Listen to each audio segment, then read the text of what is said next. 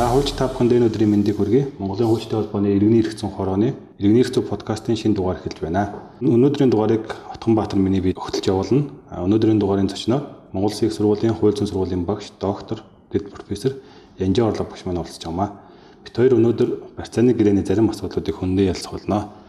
За сайн байна уу гшаа? Сайн сайн байна. Энд өдрийн мэндийг хүргэе. За баярлалаа. Бидний урилгыг хүлээн авч подкаст зочноор оролцож байгаа танд баярлалаа. За За тэгэхээр өнөөдөр хоёулаа барьцааны гэрээний зарим асуудлуудыг хөндөө ярилцсан. Тэгэхээр эхний асуулт би нэг онлайн юм асуумаар байна. Энэ юу вэ гэхээр барьцаа маань өөрөө өөрийн эрхцүүд хамаарх уу, өмчийн эрхцүүд хамаарх уу гэдгийг та нэг тодорхойлж өгөөч. Яагаад би ингэж асууж байгаа юм бэ гэхээр манай иргэний хуулийн бүтцийг харахаар иргэний хуулийн 13 дугаар бүлэгт барьцааны эрх гэдэг барьцааны нийтлэг зохицуулалт, хөдлөх хэд хөрөнгийн болон эрхийн барьцааны тусгай зохицуулалт, үйл хөдлөх хөрөнгийн барьцаа буюу ипотек улсын бүртгэл гэсэн дэд бүлгүүдээр барьцааны эрхийг зохицуулсан байдаг. А үүнээсээ гадна үүргийн ерөнхий анги дээр үүргийн гүйцэтгэлийг хангах нэг хэлбэр нь өөрөө барьцаа хамаагаад мөн хуульчилсан байгаа. Тэгэхээр бид барьцааг үүргийн эрхцүүд нь хамааруулж ойлгох ёстой юу, өмчийн эрхцүүд нь хамааруулж ойлгох ёстой юу гэдгийг та тодорхойлж өгөөч гэж хүсэж байна. За, тэгэхээр одоо манай өмнөх уламжлалт иргэний хуулиудыг аваад үзэхээр барьцааг бол үүргийн эрхцэн институт одоо үүргийн гүйцэтгэлийг хангах арга гэдэг утгаар нь зохицуулж ирсэн уламжлалтай байсан юм байна лээ. За 2002 оны иргэний хуулиас эхлээд эдийн болон эдийн бус баялагын эрх зүй дотор энэ барьцааны эрх гэдэг утгаар нь 13 дугаар бүлгээр өөртөө ерөнхий нийтлэг зохицуулттай барьцааны объектоос нь хамааруулаад тусгайлсан юм бас зохицуулттай юм бүтэн бүлэг болгож зохицуулж өгсөн. Тэгэхээр эндээс харахад бол яг онлынхоо үзэл баримтлалын дагуу эдемсэн зүйд өмчлөгчийн одоо тухайн эд зүйлийн хувьд эдлэх одоо ноёрхлын бүрэн эрх буюу өмчлөх эрх амчлах эрхтэй төстэй ийм одоо ноёрхлын хязгаарлагдмал эрхийн нэг төрөл болгож барьцааны эрхийг зохицуулсан гэдэг нь бол харагдаж байгаа. Үүргийн эрх зүй дотор үүргийн гүйцэтгэлийг хангах нэг арга болгож одоо тооцох төдий бол зааж өгсөн. Тэгээ энэ ч бас аргагүй байх гэж бодож байна.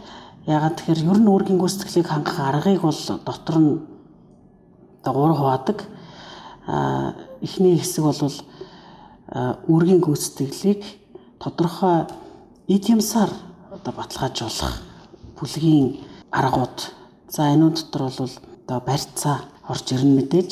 Дараагийн аргууд бол тодорхой объектыг сондооруулж үүргийн гүйцэтгэлийг хангуулахаар талуу тохиролцохгүйгээр хүн хууль этгээд өөрийн одоо үүрэг хүлээх чадвар итгэл даах энэ чадвараараа одоо нэмэлт үүрэг гүйцэтгэгч юм шиг жинхэнэ үүрэг гүйцэтгэгч үүргээ гүйцэтгээгүй тохиолдолд одоо батлан даагч үүргийг хүлээхээр тохиролцох энэ субъект одоо үүргийн гүйцэтгэлийг баталгаажуулах За гурав дахь нь бол бусад арга гэдэг дэнчин торгуул гэдэг аргууд ерөнхийд нь ингэж гурав хаадаг.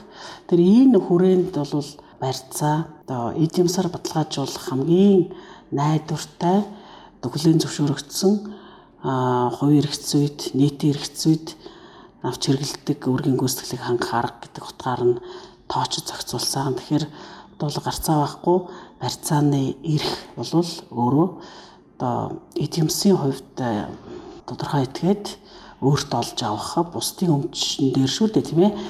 Ийм одоо згаарлагдмал ийм ноёрхлын эрх гэдэг утгаар нь зохицуулжээ гэж бол би ойлгож байна. Би яг энэ сэдвийн хүрээнд бас таны бичсэн өгүүлбэрүүдийг бас харж илаа. Тэгээ та нэг шүүх эрх мэдэл сэтгүүлийн 2016 оны 4-р дугаар дээр нэг бас яг энэ тухай бичсэн байсан. Тэн дээр үүргээр дарамтлагдсан өмч юмаа гэж тодорхойлсон байсан тийм яг тэгэхээр таны сая яриад байгаа энэ агуулга маань энэ үгээр илүү тодорхой харагдаж байна гэж ойлгож байна зөв үү? Аа. Зөв зөв. Яг нэг тийм орчуулгын шинжтэй үг хэрэгэлсэн л дээ.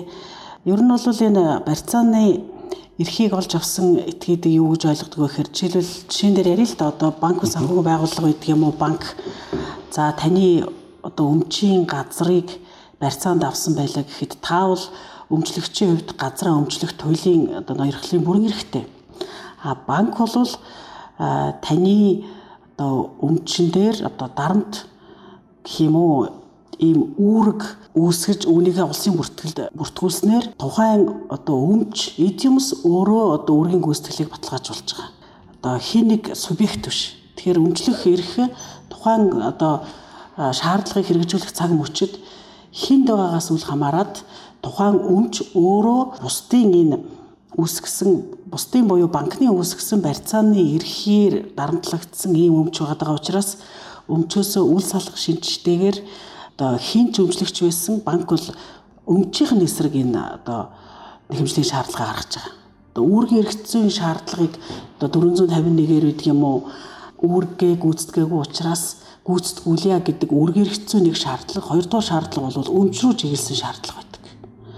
Одоо эзний биш өмчөөр нь одоо өмчийг нь одоо албатан дуудлага худалдаагаар худалдан борлуулад нэгдүгээр шаардлага заасан үүргийг сайн дураар биелүүлэхгүй байгаа тохиолдолд хоёрдугаар шаардлага хэрэгжихээр ийм хоорондоо одоо холбоотой нэг нь үүргийн хэрэгцүү нөгөөх нь өмчийн хэрэгцүү ийм шаардлага манай шүүхийн практикт шийдэгддэг. Тэгэхээр одоо энэ бусдын өмнө хүлээсэн одоо хугацаанд зээлээ төлн зээлээ төлж чадахгүй тохиолдолд одоо энэ өмч одоо дуудлага худалдаанд орох юм аа гэдэг энэ банкны барьцааны эрх эр одоо дарамтлагдсан өмч гэдэл ойлгуулах гээд. За та ярилцлагандаа сая дурдлаа. Үйл хөдлөх хөрөнгөний барьцаа бол үүргийн бүсдэлийг хангах гол аргаа гэдэг тийм.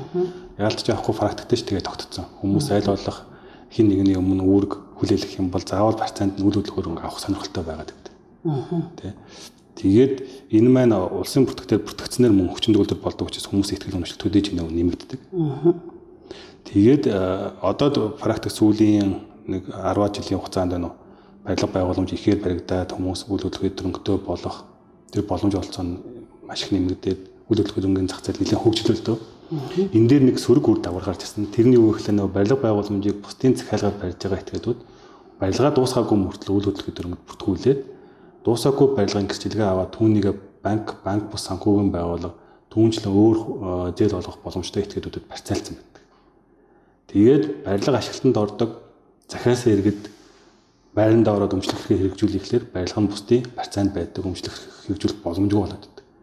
Маш олон тохиолдол гарч ирсэн л та. Хамгийн том тохиолдол гэх юм бол одоо бид нар баян зөвлөлт баригдсан Golden Wheel-г нэг хотхны бүгд найрамдах Солонгос улсын нэг Хана банкнд барьцаалсан асуудал явсан. Тэр шүүхтэр шийдэгдсэн.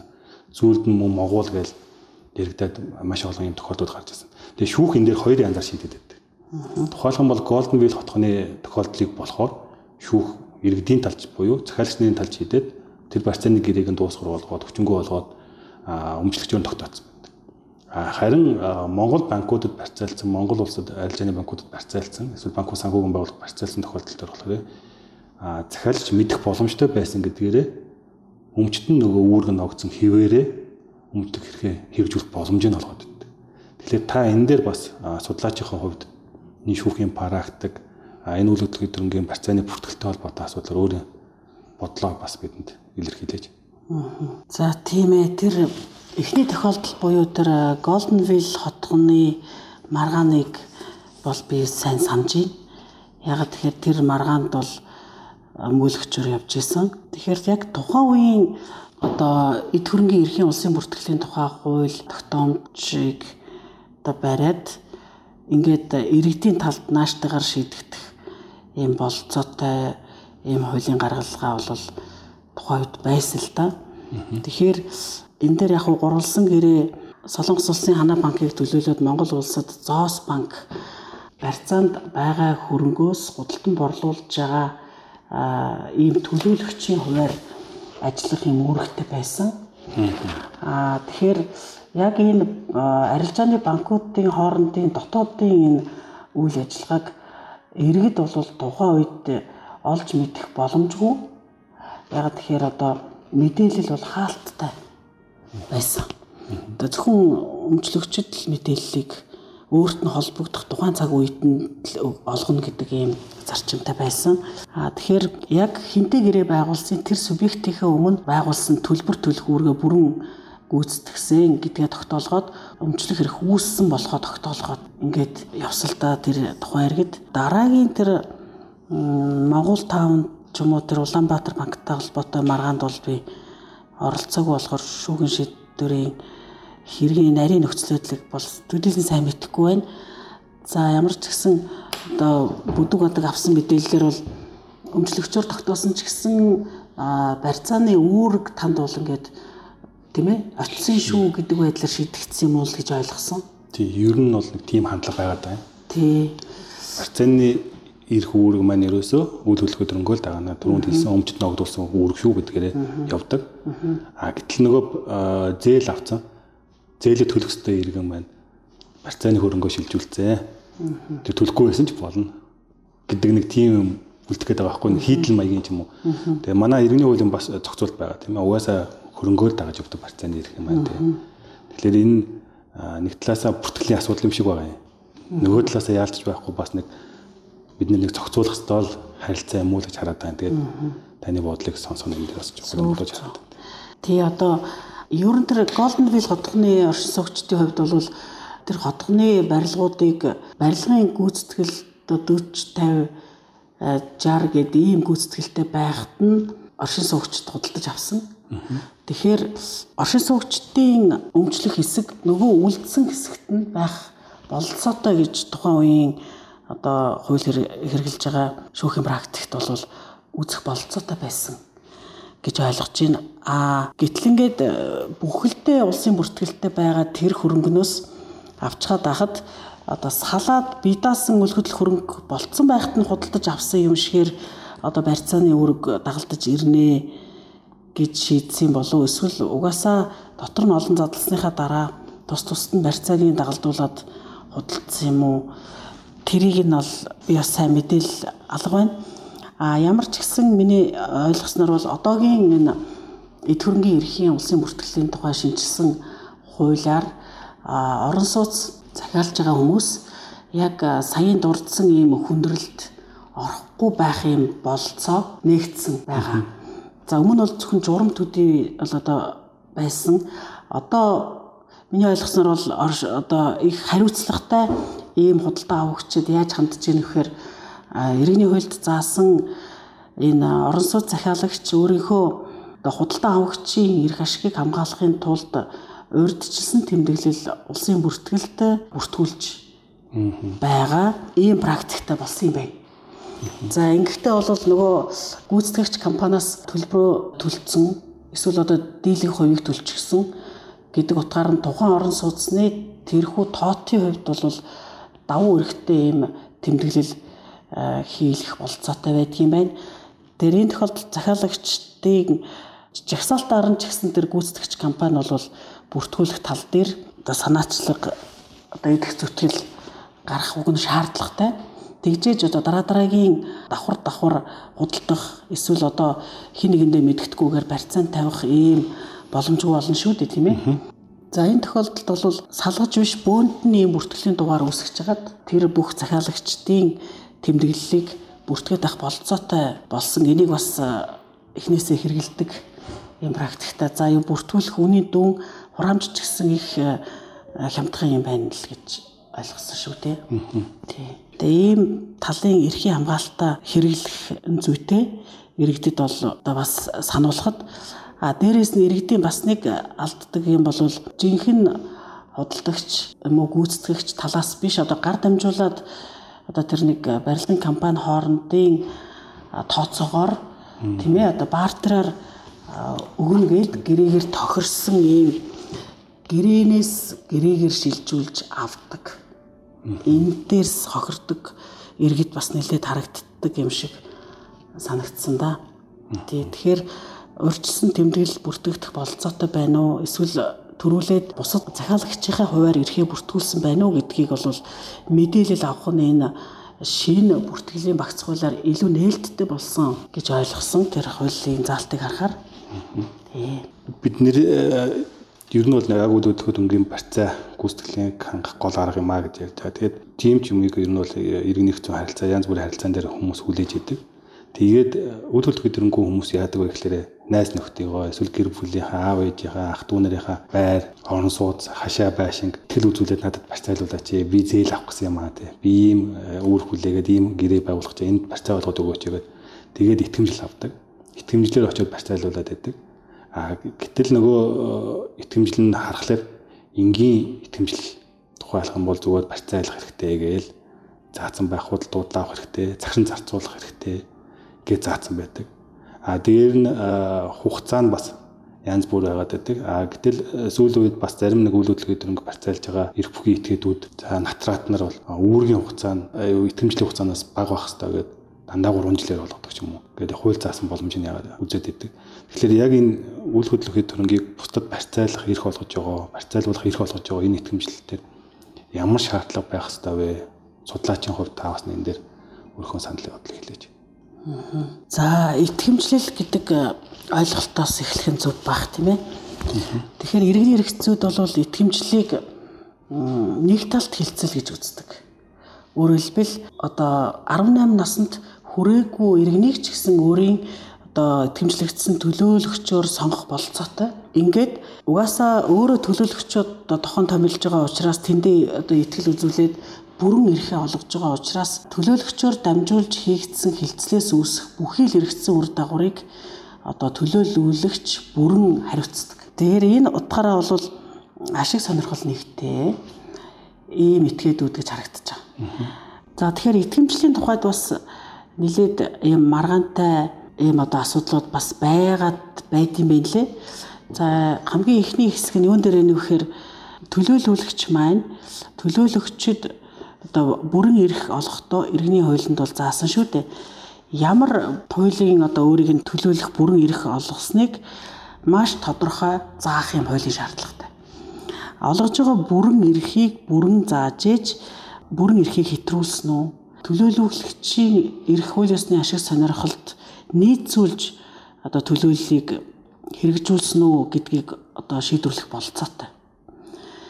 Тэгэхээр тодорхой тохиолдолд жишээлбэл одоо үйл хөдлөлийн төрөнгөө худалдах зараад өгөөч гэдэг ийм бүрэн эрх олгож байгаа тохиолдолд ямар ч гэсэн манай энэ одоогийн энэ дүүргийн одоо цаг үеийн ханшаас нэг дээдл нь 5 хувиар ч юм уу буулгаад зараад өгөөч гэдэг байдлаар үнийн дүнг тодорхой зааж өгөх ёстой гэж онолд бол ойлгодог.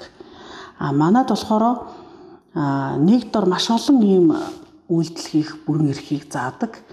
А тэр үйлдэлүүд нь эргээд одоо хоорондоо зөрчилтэй удаа агуулгын хувьд авцалтгааргүй ийм бүрэн эрхийг олгосон итгэмжлэл яваад идэл та. Жишээлбэл одоо ийм зар байна одоо зээл чөлөөлнө гэдэг зар.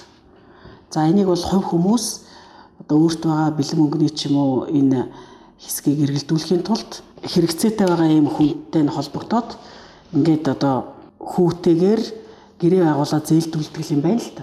Тэгээ энэ үйлчлэгийг авдаг иргэд бол ихэнх нь банкнд юм уу банк санхүү байгууллагад одоо өгсдөө өрөө өгч чадахгүй ингээд хөрөнгө нь хураагдахтаа хүрсэл ийм иргэд байх жишээтэй. За эсвэл одоо банкны зээлийн шаардлагыг хангахгүй ч юм уу.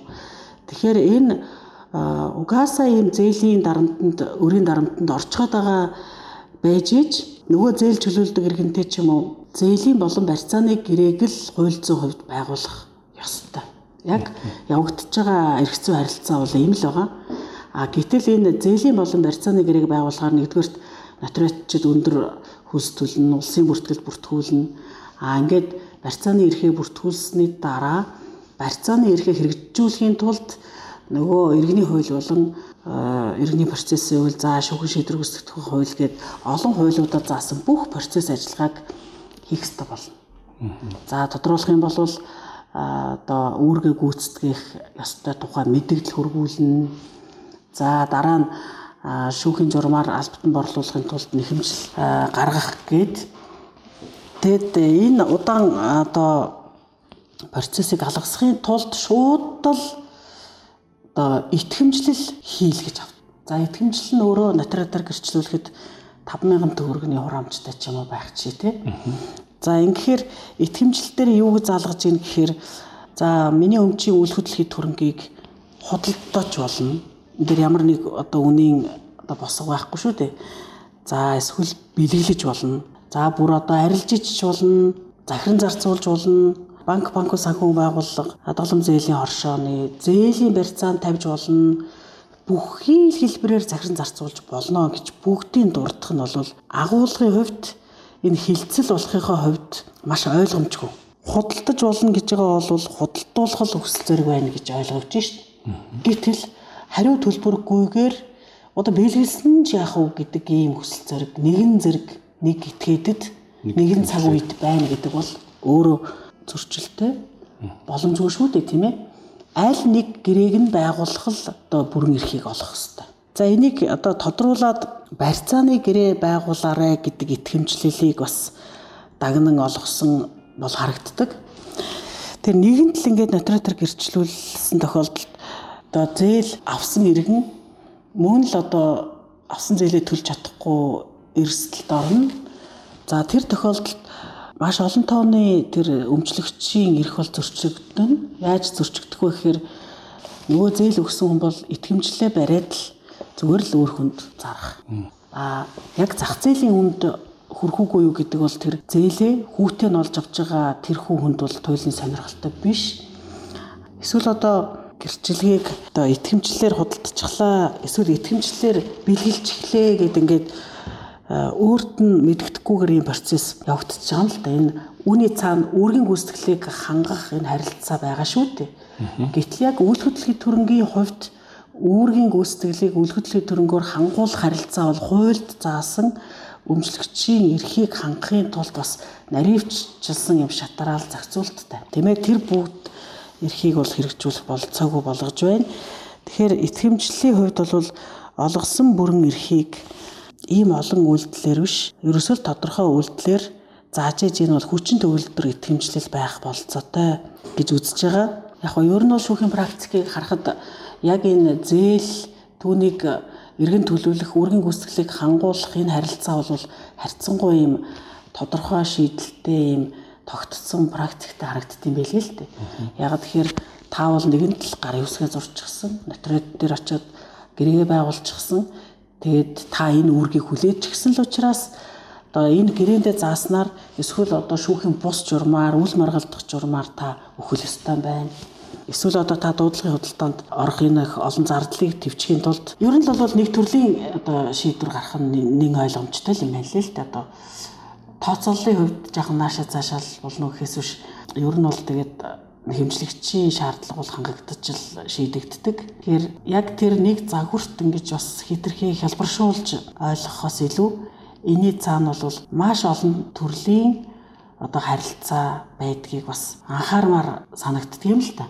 За энэ дээр одоо яг барьцаатай нь холбоод одоо хамгийн түрүүнд э, бодогддог асуудал юу гэхээр энэ барьцааны гэрээний тухай бид хоёр ярьж байгаа тийм ээ. Тэгэхээр энэ иргэний хуулийн 156-гийн 156-гийн 2 дахь хэсэг заадаг. За энэ дэр барьцааны гэрээнд тусгагдах ёстой хамгийн гол зүйл нь юу вэ гэхээр барьцаагаар хангагдах шаардлага түүний хэмжээг заавал заах ёстой.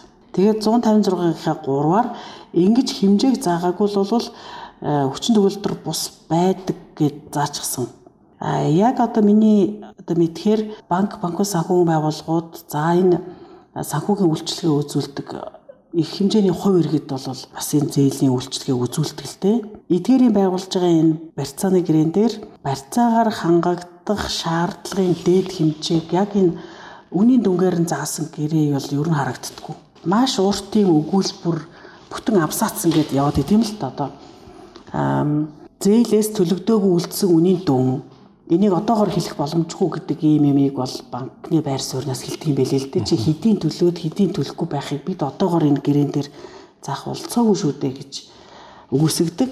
А гэхлээр үнэ хэрэгтэй өөр үнийн дүнг ярьж байгаа. За бүтэн их урт өгүүлбэрээр нэмэгдүүлсэн хүү хүү за тэгэл шүүхийн зардал Э, шийдвэр гүйцэтгэлийн ажиллагааны зардал гээд маш их хэмийг таслалаар ингээд э, тоочоод энэ бүхнийг энэ одоо барьцаагаар хангуулах юм аа гэж ингэж үгээр заадаг. Тэгэхээр энэ л бол манад одоо өөрчлөх ёстой их гол нөхцөл гэж одоо над бодогдсон. За яагаад ингэж ярьж ирэхээр би жижигхэн жишээн дээр одоо авч ярил л та. За жишээлбэл одоо нэг эцэг их хоёр бай тийм ээ. Аа тэдгэрийн өмчлөлд одоо юу гэдгийг 500 сая төгрөгийн үн бүхий одоо хотын төвд ч юм уу байралтай газар өмчлөх хэрэгтэй. За өөр бол энэ нэг их тийм төдийлөн өмчлөх зүйл байхгүй. А гэтэл энэ айл бол дөрвөн хүүхэдтэй. Тэгэхээр эцэг их бол юу гэж гэрээндээ заалгах ийм эрхтэй вэ гэхээр том хүүхэд тусдаа гарах болъё л та. Тэгэхээр байгаа өмчөөсөө одоо тастаж өгөх болж юм тийм ээ. Гэтэл энэ газар маань өөрөө үл хуваагдах шинжтэй байгаад байна. Тэр тохиолдолд за банкнаас зээл авах зээлийн барьцаанд газараа тавьж өгөө. А гэхдээ бүхлээр нь бол нэг хүүхэдтэй хэрэглүүлээд ингээд тавиад туучгаж бол чадшгүй нэ. Тэр 500 сая төгрөгийн үнэлгээтэй газар байлаа гэж бодоход за дөрөв хуваахад одоо нэг хүүхдэд 125 сая төгрөг өнгөж чинь гэж бодъё л та. За дээрэс нь эцэг их бас өөрсдийнхөө хувь хэмжээг бас бодолцох байх тийм ээ. За ингээд 5 хуваалаад гэж бодоход нэг том хүүхдийг тусдаа гарахад хамгийн дээдл нь энэ газраас 100 сая төгрөгийн одоо шаардан гаргуулж болох хэмжээнд л барьцааны гэрээнд нь зурж өгнө. Бусад гурван хүүхэдтэй болон бид өөрсдөө үлдэх хэмжээгээ одоо барьцаанд тавьдаг юм уу гэж хэрэглэнэ. Энэ үнийн дүнгэл одоо заах хэрэгтэй барьцааны гэрээнд. Энэ эрхийг нь бол өмчийн эзэнд бол хизээч идлүүлдэггүй. Эсвэргээрээ одоо яаж хойхон хуулийн этгээдүүдийн одоо эрхийг зөрчдөг вэ гэхээр асар өндөр үнэлгээтэй объект байж идэг.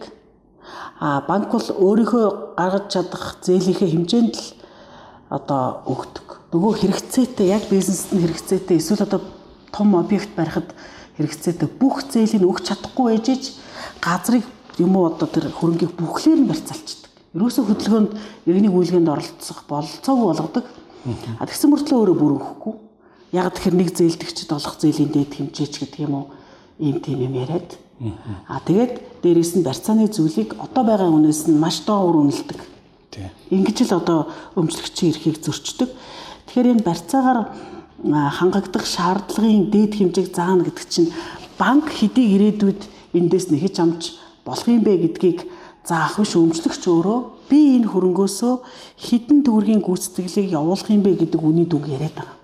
За энэ дээр бол үнэхээр шимтгэл хийхгүй бол эргээд нөгөө иргэд ядуурл дуртдаг хамгийн нэг үндсэн одоо урсгал нь гэх юм уу? Одоо энэ банкыг гэж хэлэхээс илүү би бол банк бус санхүүгийн байгууллага. За тэгээд тэр зээлийн үйлчлэгээ үзүүлдэг. Ямар нэг татвар хураамж төлдөггүй юм жинхэнэ утгаараа арилжаа эрхлэгч иргэд байгаа шүү дээ. Тий. Эдгээр одоо өмч хөрөнгөө одоо шудраг бусаар алддаг ийм хүмүүсийн хувьд одоо шүүхийн шатанд одоо нотариатор гэрээ гэрчлэх шатанд ч гэсэн энэ барьцаагаар хангагдах шаардлага, өвний дүнг заалгах, за тэгээд бодитоор үнэлүүлэх тэр эрхийг нь олох ёстой гэж бодоод байгаа. Энэ дандаа бол стандарт нөхцөл бүхий гэрээнүүд байгаа шүү дээ. Ердийн гэрээ гэдэг утгаараа биш тийм ээ. Хэрвээ анхнаас л гэрээ байгуулагдахдаа энэ суур эрхүүд идэх болцоотой байхаар хийгдсэн бол эндээс шүүхийн бус журмаар албатан гүйцэтгэл явах боломжтой. А гэтэл анхандаа энэ тэгш хэрэгтэйгээр ингэж гэрээг зохисоор байгуулж чадаагүй байж хахад энэхүү гэрээтэй холбоотой маргааныг хянуулах эрхгүй байна гэдэг бол бас тэмдүүл шудраг бас байх болов гэж бодож одоо үндсөлийн цэцчихсэн энэ чиглэлд удаа дараагийн шийдвэрийг гаргаж байсан шүү дээ. Энэ хэсэгт ер нь барьцааны хэрэгцээ бол нэлээх өөрчлөлт шинжилт ордог ийм хэсэг байдаг. Тэгэхээр одоо итгэмжлэлийг үндэслээд ярихад бол итгэмжлэлээр зээлийн болон барьцааны энэ харилцааг халахвчлах бол бас их зохимжтой биш байгаа. А мөн итгэмжлэлийн тэр агуулгыг бас их эргэж авч үзэх хэрэгтэй. Тэгээ нэгэн тал нотариатор батлуулсан итгэмжлэл бол одоо яа их хүү гэдэг байдлаар л ингээд шийдээд л явчихж байгаа шүү дээ тийм ээ. Тийм тийм. Яг тэ одоо шүүхийн практикт яг л тийм ба одоо шүүхтэр явж байгаа иргэний эрх зүйн маргааны хувьд иргэний маргааны дийлэнх хувь зээлийн маргаанууд байдаг. Тэгээд яг тогтсон практиктэй банк банк бус санхүүгийн байгууллага солгож байгаа зээл бол хэмжлийн шаардлага бүрэн л хангагдаж байдаг. Тэрэн дээр шүүх юу үзэж байгаа нэхлээр зээлийн гэрээнд байна уу, барьцааны гэрээнд байна уу, зээлээ төлөөгүй байна уу? За тооцоон дээр ямар нэгэн санал зөрүү байна уу? Байхгүй бол за тэгвэл та төлөх нь ойлгомжтой. Төлж чадахгүй бол барьцаа өрөнгөөрөө төлөх нь ойлгомжтой. Яг таны яриад байгаа шиг тэр үнэхээр барьцааны гэрээнд заасан тэр барьцаагаар хангуулах шаардлагын хэмжээнд байна уу гэдэг. Өөрөөр хэлбэл барьцааны гэрээ нь өөрөө иргэний хууль заасан тэр шаардлагыг хангаж гинэ гэдгээр огт өгнөлт хийдэггүй. Манай хуучнаас бас тэрэн дээр нэг хайхтар яриад байдаг. Ажилд өгөх хэрэгтэй тийм ээ. Өмгөөлөгч нар бол аль аль нөхд одоо заалтуудыг одоо хүчин төгөлдөр бус одоо стандарт гэрээний стандарт нөхцөл тусгагдсан байна гэдэг дээр бас нэхэмжлийн шаардлагыг тавьдаг тийм ээ. Энэ тал дээр нь гэрээг нь бүрэн уншиж хянаж арай өөр өөр нэхэмжлийн шаардлага бас гаргаж авахгүй болвол одоо сөрөг тийм ээ яг манад бол энэ хэрэглэгч энэ хэрэглэгчийн зээл шүү дээ. Энэ хэрэглэгчийн зээлийн гэрээний одоо агуулгыг хяндаг юм тогтолцоо бол огт байхгүй. А уг нь бол энэ өндөр хөгжилтэй орнуудад бол хэрэглэгчдийн эрх ашигыг хамгаалах нийгэмлгүүд энэ хэрэглэгчдэд санал болгож байгаа энэ гэрээний нөхцлүүд хуулийн одоо байх ёстой минимум стандартыг доош нь оруулж гэнэ үгүй юу гэдгийг хямжиж идэг а ингээд төлөөлөл нэхэмжил гаргаад шийдүүлж идэг. За манад бол захиргааны иргэн шүүхтэр ийм одоо нийтийн эрх ашигын төлөө өнгөлөл болцоотой иргэний эрхцүүд бол яг өөрийн эрх ашиг зөрчигдсөн байж ижил тодорхой төрлийн асуудлыг тавих болцоотой байдаг тийм ээ. Тий. За та сая ярилцлагандаа дурдлаа. Барьцааны эрхийн асуудлаар хэд хэд удаа цэцэд хандж исэн гэдэг. Тэр асуудлаа та тодруулж өгөөч. За тэгэхээр анхны эхлэлээс нь эхлээд яривал зүг баха 2002 оны иргэний хуулинд бол тэр 451-ээс эхэлдэг энэ зүйл дээр банкнаас олгодог зээлийн гэрэн дээр ямар заалт орж ирсэн бэ гэхээр хэрвээ талууд гэрэндээ үл маргах журмаар одоо үүргийн гүйцэтгэлийг хангуулна гэж тохирсон болвол энэ болцоотой шүүхт хандахгүйгээр үүргийн гүйцэтгэл автоматар ингээд шууд явагдана гэдэг ийм заалт болцоотой байдлаар тусгагдсан байсан. А гисэн хэдий ч ерөнхий ангид одоо энэ үл хөдлөлийн төрөнгийн барьцаа буюу ипотек гэдэг энэ бүлэг дээр юу гэж байсан бэ гэхээр хэрвээ үл хөдлөлийн төрөнгөөр үүргийн гүйцэтгэлийг хангуулах тохиолдолд шууд гэж үл маргах журмаар албатан гүйцэтгэл явахгүй Харин энэ ерөнхий ангийн энэ заалтыг илүү наривчлсан зохицуулт гэж үзэн өөрөөр хэлбэл шүүхийн шийдвэрийн үндсэн дээр гэж ингэж тухайн үеийн хууль тогтоогчид бол за бусад хөрөнгөн дээр шууд явагддгийм байж үйл хөдлөлийн төрөнг бол болохгүй шүү. Энэ бол хүний одоо хүний эрхийн пактад байдаг шүү дээ. Хүний суур эрх тийм ээ. Орон гэрд одоо юу гэдгийг толгой дээгүүрээ одоо дээвэртэй байх. За энийг одоо шууд үл маргах журмаар хураадаг тийм тогтолцоо бол бусад харьцангуй хамгаалалт сайтай ийм эрх зүй системтэй үед бол зөвшөөрөгдөж болох асуудал. Одоо юу гэдгийг зээлийн хүү ийм одоо Монгол улсын шиг өндөр биш. Тийм ээ. Алданч гэсэн бас ийм өндөр биш. Аа тэгээд гол нь барьцаа хөрөнгийг шударгаар зах зээлийн ханшаар нь үнэлдэг. Түүнийг бууруулж ингэж гэрээнд хүчээр тусгадаг биш. Аа энийг бол би шудраг бус гэж үздэг. Яг тэгэхээр жишээлбэл хамгийн их үн цэнэ алддаггүй тийм хөрөнгө бол одоо газар. Тэгээ энэ дэлхийд даяараа хаанч үн байнга тогтвортой өсөж байхад ягаад энийг бууруулж бүр 30 хувиар энэ төр гэрэн дээр тусгадаг юм бэ? Энэ бол нөгөө л одоо хэрэглэгчийн эрхийг зөрчсөн стандарт нөхцөл шүү дээ. Өөрөөсөө стандарт болгоод тогтоочихсон. Тэгээ энэ дээр нь бол хяналт байхгүй байгаад идэг. Хяналтын тогтолцоо.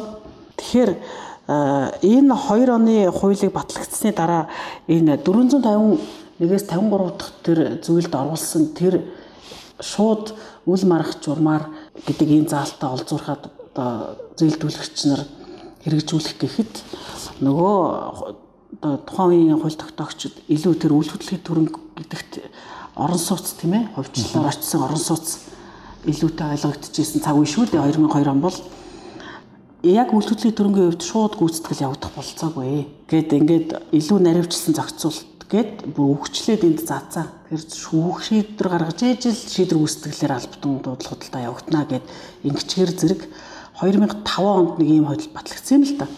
Ипотекийн зөвлөлийг э, шүүхийн бус журмаар худалдан борлуулах журмын тухай хууль гэж. За энэ хууль бол тийм том хууль байгаагүй. Одоо энэ зээлдүүлэгч байгууллагуудын лоббигоор батлагдсан хууль. Яг л ийм наадмын өмнөхөн ч юм уу ингэж батлагддаг жишгээр батлагдсан. Тэгээд энийг үзэхээр одоо 27-гийн 1 27-гийн 2 дугаар зүйл нь юу гэж байсан бэ гэхээр хэрвээ нөгөө зээлдэгч иргэн одоо энэ бол гэрээний сул дараа тал шүү дээ. Одоо юугаар нь сул дараа гэж нэхэр одоо тэр булчингаар нь биш тийм ээ. Туршлагаар нь яг энэ зээлийн харилцаанд байнга орж идэг тийм одоо мэрэгжлийн шинжтэйгээр байнгын доктортой ашигын төлөө аж ахуйн үйл ажиллагаа эрхэлдэггүй. Ерөөсөө л нэг хоёр удаагийн хэрэгцээ гараад зээл авах гэж байгаа тийм ээ иргэдийг би ярьж байна. Би одоо байнга зээл авдаг энэ хууль этгээдүүдийг яриаггүй. А мөн одоо санхүүгийн хувьд илүү сул дорой одоо зүйн мэдлэг дорой ийм ердийн хэрэглэгч иргэнийг л ярьж байгаа. А нөгөө талд банк бол мэрэгжлийн хуульчдын багтай тийм ээ. Одоо кейс болгоноос гэрээнүүдэд төгөлдржүүлээд явж байгаа шүү дээ. Тийм. Илүү л зузаан урт болоод л яваад идэг. Тэгээ ийм байдлаар одоо хэрэглэгч бол зөвхөн гэрээнд гарын үсэг зурх байдлаар л оролцдог. Өөр одоо ямар нэг сонголт боломж бол орон зай байдаггүй шүү дээ. Багхгүй. Тий. Тэгэхээр ингэж байгуулж байгаа гэрээний харилцаатай байхад тэгээд энэ дотор хяналтын тогтолцоо байхгүй байхад дээрэс нь олон тооны одоо хууль бус э, хүчин төгөлдөр бус баймаар ийм стандарт нөхцлүүд харагдаж идэг. Тэгээ энэ гэрээг бол одоо нэг гар үсгээ зурцсан л бол ямарваа нэг асуудал гарахад мэдээж тэр үүргийн гүйцэтгэл их бага ямар нэг хугацаагаар хойшлно. За ийм үүргийн зөрчил одоо үүссэн нөхцөлд шүүхэд хандахгүйгээр албатан одоо банк өөрөө за эсвэл одоо хөндлөнгийн этгээдээр та явуулахаар ерөөсөө л банкны мэдлэлд автоматар хөрөнгө очихоор ингэж одоо гэрэндээ тохирсон бол шүүх энэ төрлийн ямар ч нэг хэмжлэлийг хүлээж авахгүй шийдэхгүй байхыг үүрэг болгосон ийм хууль батлагдсан байхгүй юу. За инхээр зэрэг нөгөө үндсэн хуулийн эрхэн зөрчигдсөн гэж үзсэн иргэн одоо шудрах шүүхээр шүүлгэх өмгөөлөгчийн тусалцаа авах.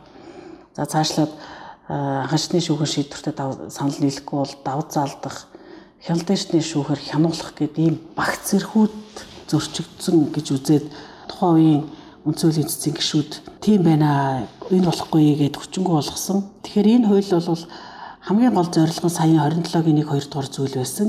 Тэгээ энийг нь нөгөө иргэн анжи орлоо очиод хүчингү болгочоор зэрэг тэр 2005 оны хууль бол утгагүй болж хувирсан ажил бүгдл нь буурсан. Тий. Гэхдээ яг энэ хуулийг үйлчлэх үед бас яг энэ хуулиар шийдүүлээд эрхэн нэлээд зөрчигдсөн бас хүмүүс байдаг юм бэлээ. За тэрийг одоо дурдаад яг ямар ч гэсэн энэ хуулийн дараа бүх зээлдэгч нараа дуудаад л гэрээгээ өөрчлөөд байсан. Ямар ч утгатай өөрчлөлт оруулаад байгаа гэрээгэд бол ойлгохгүй шүү дээ. Гариусаа зурдаг л хүмүүс юм бол. Тэг яг хуу хитрхи биеих иргэдийг хамгаалаад байгаа юм биш ерөөсөө энэ иргэний хуулиар санал болгож байгаа энэ хамгийн анхдагч хамгаалтыг л яриад байгаа. Бусад юм бол мэдээж иргэний өөрийнх нь хариуцлага мөн үү мөн шүү дээ. Тий. За тэгээд дараагийн хууль бол 2009 онд батлагдсан үл хөдлөлийн төрөнгийн барьцааны тухай хууль. За энэ хуулийн нэг онцлог бол тэр газрын хувьд бол үл маргах журам байхгүй шүү гэх мэтэр ингээд илүү дэлгэрэнгүй зохицуулж өгсөн. Тэгээ энийг энэ хуулийг иргэний хуультай зэрэгцүүлээд ярихад бол бас нэг том сэдв бол байгаа юм л та. Аль нь илүү давуу юм бэ? Аль нь одоо үйлчлэх хэвээр бэ гэдэг дээр. За ямар ч гэсэн хамгийн сүүлийн үеийн асуудал юу гэхээр 2015 онд бол ганц бийч бишэлтэй одоо үл маргах журмаар авах тухай бас л ийм удаа дараагийн нөгөө зээлдүүлэгчдийн лоббигоор энэ хууль ер нь байж байгаа зүгсэн хувиргаал батлагддгийг. А өшөө илүү нарийн болоод иргэний хуулийн руу орж эхэлсэн л дээ. Иргэний хуулийн дээр бол өмчлөгчөөс илүү давуу эрхийг одоо барьцаалагч итлэхээр ингээд оруулаад идэв. Одоо барьцаан тавьцал бол банкны зөвхөн зөвшөөрлөлтөөр л одоо иргэний гүйлгэнд оруулна. Хөлслөх, худалдах, арилжах тохиолдолд нөгөө өмчөөд байгаа барьцааны эрх хүчин төгөлтөр байж л байхад чинь банк л зөвшөөр олон онцлогоор эзэж зөвшөөрдөггүй. Анхнаасаа гэрэнтэй манайд л барьцаалуулсан бол цааш нь худалдахгүй, бэлгэлэхгүй, арилжахгүй, хүслүүлэхгүй, бараг л тэр хөрөнгө рүүгээ харж болохгүй шүү гэх маягийн одоо тэгээд хэтрүүлж хэлвэл тэгэж утгатайгаар заадаг шүү дээ тийм ээ. За энэ тал дээр маргаан үссэн. За энэ маргааныг авч үзээд за тийм байна аа өмчлөгч нь шийдэх ёстой мó. Өөрийнх нь эрх зөрчигдөхөөргүй болвол зөвшөөрлөө өгөх үүрэгтэй зөвхөн мэдэгдэх хангалттай гэдэг ийм байх ёстой тухайл тухайн үед яригадад байсан. Гэтэ яг вэ ядаж одоо хөлслүүлэх түрээслүүлэхэд зөвшөөрөл авахааргүй болсон. Бусдаар бол мөн л банкны хараанд хэвээрээ үлдсэн. Ягаад тэгэхээр бүх арилжааны банкуд жинхэнэ утгаараа нөгөө картел үүсгэсэн шүү дээ. Юу гэж вэ гэхээр 8% зээлийг ерөн зээлийг бүгдийн зогсоолоо. Ягаад гэвэл тэр эргийн анж орлоо чинь зээл олохыг зогсоосон шүү гэд ойлгуулсан шүү дээ. Тэгсэн. Тий. Тэгээд улсын хурал энд одоо арилжааны банкуудын хүссэн хуулийг нь баталгаас нааш зээлээ олохгүй шүү гэж жаад хүссэн юугаа батлуулж авсан тэр нь дахиад цэцээр орсон ингээд л одоо ч гэсэн үргэлжилж байна. За тэр дунд манай улсын дэд жүүх иргэний хэргийн танхим хэргийн шийдвэрлэх ажиллагаандаа энэ материалын хуулийг хэрэглэхэд одоо үндсэн хуулийн зөрчилтэй гэж үзэж бид хэрэгжилж чадахгүй нэ гэж одоо иргэний хэргийн танхим үндсэн хуулийн цэцэд бас яг энэ барьцааны асуудлаар хандсан байдгийг. Зээ за тэр нь ямар утгаар вэ гэхээр бусдын өмчлөлийн зүйлийг барьцаанд тавьж болно. За энэ тохиолдолд одоо бусдын өмчлийн зүйлийг зээл авах гэж байгаа хүн өөрийн өмчлөлт авч ижил барьцааны ирэх болцоотой байхаар ийм зүйл байсан. За энийг бол бас манай тэр иргэний эрх зүйчид соргогоор олж хараад одоо гурав дахь читгээд өөрөө хүсээд зээлийн гэрээг зээлдэгчтэй байгуулдаг юм бааваз барьцааны гэрээг гурав дахь читгээд өмчлөгч өөрөө зөвшөөрч штеп. Аа ингээд байгуулж болох юмыг эхлээд заавал нөгөө гурав дахь читгээд өмчөө зээлдэгчийн өмчлөж шилжүүлжээж нэг хүн байвал мэдээж одоо зээлдүүлэгчд их хялбар л та тийм ээ. Тэгэхээр ингэж нөгөө барьцаанда тавихын тулд хүний имийг өөрлөгөө шилжүүлж авахыг хуулиар үүрэг болгох нь нөгөө өмчлөгч өмчлийн зүйлээр чөлөөтэй эзэмших ашиглах цахим зарцуулах эрхэд харшаа гэж бол бас үтсэн. Тий. Ингээд энэ барьцаа бол үнэхээр хүн бүр ордог ийм суур харилцаа байгаад байна яг энэ суур харилцаан дээр бол үнэхээр бас суур шинжтэй хамгаалтууд зайлшгүй шаардлагатай барьцаагаар дамжуулж одоо хөрөнгөө алдах эрсдэл бол өндөр л байгаа юм л та хууль эрхцсэн орчинд.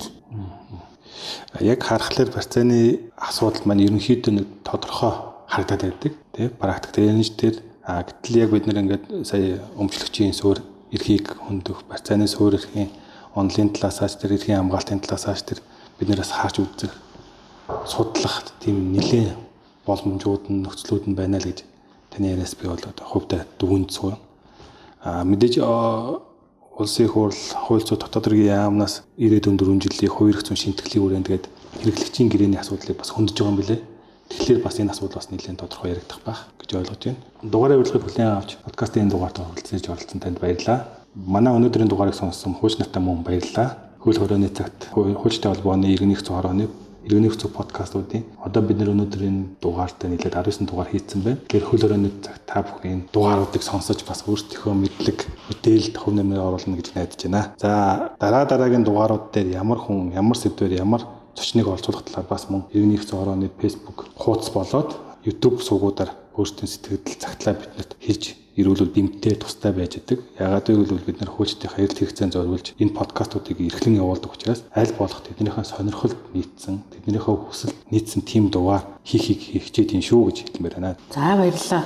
Бас ийм хуульчдын өөрсдийн дотоодын мэрэгжлийн шинжилгээд одоо харилцан яриа өрнүүлдэг өөрсдийн үүсгэл санаачлалын ийм манай иргэн хэрэгцээ хорооны энэ ажлыг би бас их сайшааж байгаа.